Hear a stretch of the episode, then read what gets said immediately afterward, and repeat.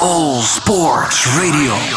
Het is tot nu toe een lange sportzomer en veel sporten die zijn al in actie gekomen. En schermen is er daar eentje van. Zo zagen we de schermen in actie op de European Games en ook nog, ook nog op het WK.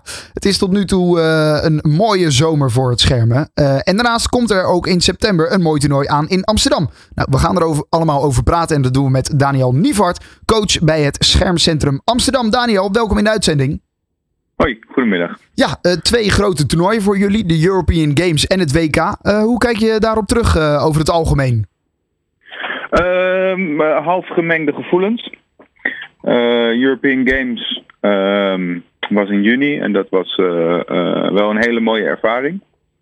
Het was een multisport evenement, dus dat is ook weer iets anders dan een gewoon Europees kampioenschap, omdat je allemaal andere sporten hebt. Ja. Uh, en we waren voor het eerst ook onderdeel van uh, Team NL.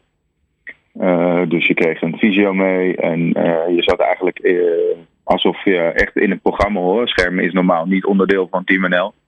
we moeten het vooral zelf doen. En het was wel een keer mooi om echt mee te gaan met een groep, zeg maar. Met een visio mee en een dokter en alles eromheen. Dus dat was wel een goede ervaring.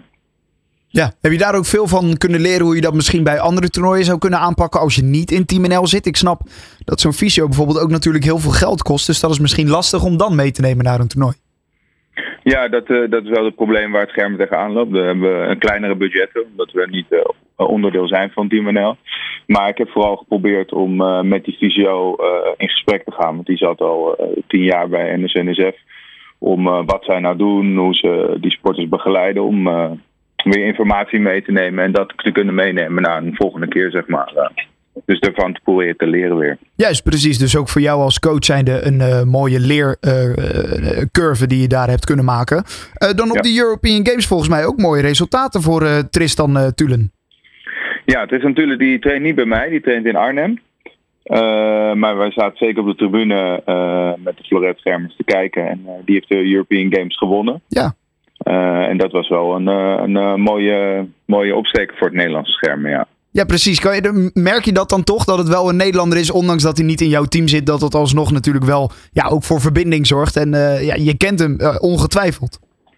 Ja, nee, ik ken hem goed. Ik heb toen ik jong was zelf nog met hem scherm zelfs. En ja, we zitten, het Degenprogramma zit in Arnhem en het Floret-programma zit vooral in Amsterdam. Maar we hebben wel contact onderling over hoe we dingen doen, reizen samen organiseren naar titeltoernooien. Dus er is zeker contact. En uh, ja, we zaten wel als uh, fans op de tribune uh, en we waren aan het meejuichen, zeg maar. Ja, dus dat was een mooie ervaring om mee te maken. Ja, zorgt dat ook weer bij teamleden vanuit de Topsport Amsterdam, het Schermcentrum Amsterdam, voor ja, een soort extra motivatie dat ze zien wat er allemaal mogelijk is? Ja, dat is natuurlijk wel een soort van uh, voorbeeld waar je heen kan. Ja. Tristan is wat ouder, die is zo 2, 33. Dus je zit aan het eind van zijn carrière en je ziet dat hij dan, als je zo lang doorgaat, dat je toch resultaten kan blijven halen.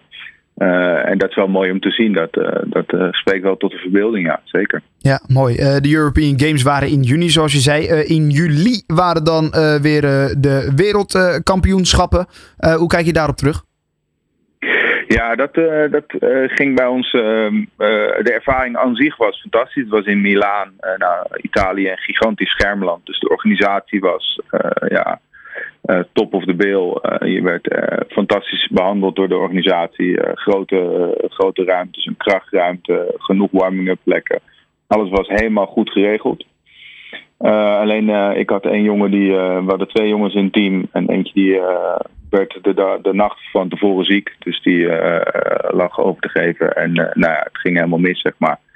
Die heeft zich uiteindelijk nog wel in zijn schermpak uh, gehezen. Omdat hij zei, ik ben 30 en ik weet niet hoeveel WK's ik nog ga doen. En die is alsnog de voorronde doorgekomen. Maar een echt resultaat bleef daardoor wel een beetje uit. Omdat hij gewoon ziek was. Ja. Dus qua resultaten viel het wereldkampioenschap iets tegen. Maar uh, qua ervaring was het wel weer een, uh, een hele mooie om te zien. Uh, Italië is echt een gigantisch schermland. En ja, er zaten honderden mensen op de tribune. En ja, de sfeer was echt kokend, zeg maar. Zeker als een Italiaans scherm. Hè? Dus het was wel mooi om mee te maken. Is dat dan ook die ervaring, hetgene wat je meeneemt uit zo'n toernooi?